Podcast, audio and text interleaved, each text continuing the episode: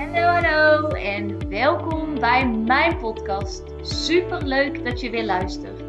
Mijn naam is Bente en ik zie het als mijn missie om mezelf en zoveel mogelijk anderen te helpen naar hun droomleven. In deze podcast heb ik het over hoe je een succesmindset ontwikkelt, wat de wet van aantrekking is, hoe je deze voor je laat werken en hoe jij stappen kunt zetten richting jouw droomleven.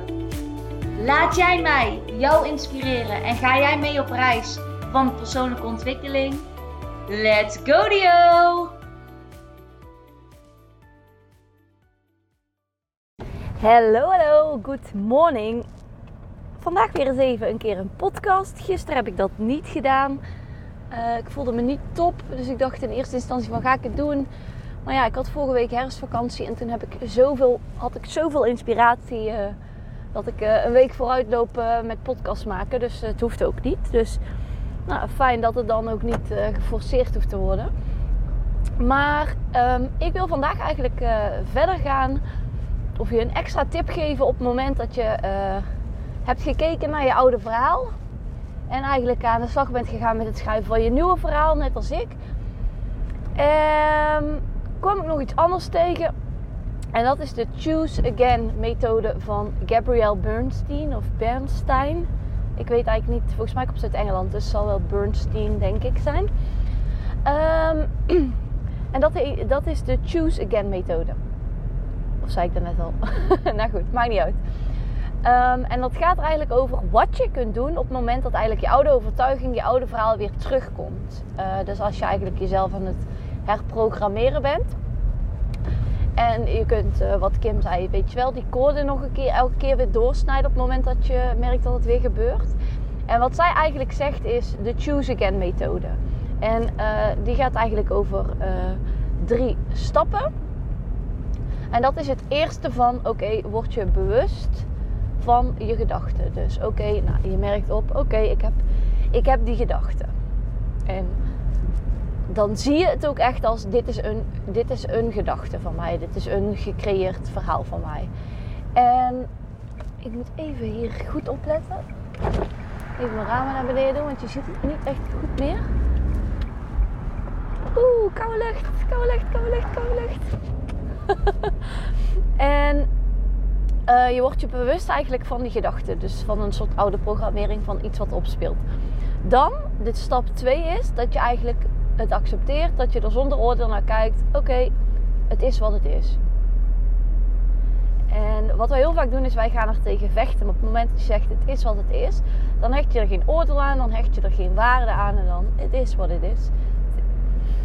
En ik denk sowieso dat dat echt een super krachtige zin is. Want als je naar situaties kunt kijken van it is what it is. We denken heel vaak van ja, het is wat het is. Uh, van die nuchtere Hollanders. Maar eigenlijk als jij een situatie kunt accepteren voor wat hij is. Uh, geef je ook heel veel ruimte om uh, te laten ontstaan. hoe zeg je dat? Om. nou, hoe zeg je dat nou? ja, dan geef je eigenlijk ruimte voor het universum om jou te komen helpen. Omdat er heel veel extra ruimte komt. Waardoor het universum bij jou kan komen en jou kan helpen. En waardoor je wellicht wel iets manifesteert wat je op dat moment misschien helemaal niet meer verwacht had. Maar puur omdat jij in die volledige acceptatie bent gaan zitten en dus ook in het loslaten. En even zijweggetje. Dan stap 3. En dat is choose again. Dus kies opnieuw. Wat is jouw nieuwe verhaal? Wat wil je wel?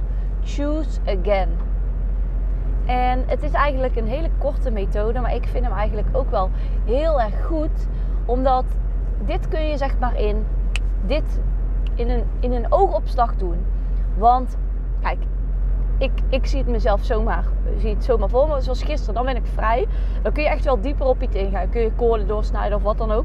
Maar ik weet ook zeker dat er ook momenten gaan zijn dat ik uh, uh, aan het autorijden ben. Of uh, dat ik voor de klas sta met kinderen aan het praten ben en dat ik me bewust word van een oud verhaal dat zich in mijn hoofd afspeelt, dan lijkt het mij dat de Choose Again methode voor mij op dat moment passender is. Dat betekent niet dat ik de andere methode niet doe, maar dat is iets wat ik dan ook in ga zetten. En ik dacht, weet je, als dit voor mij interessant is, dan is dit misschien voor jou ook interessant.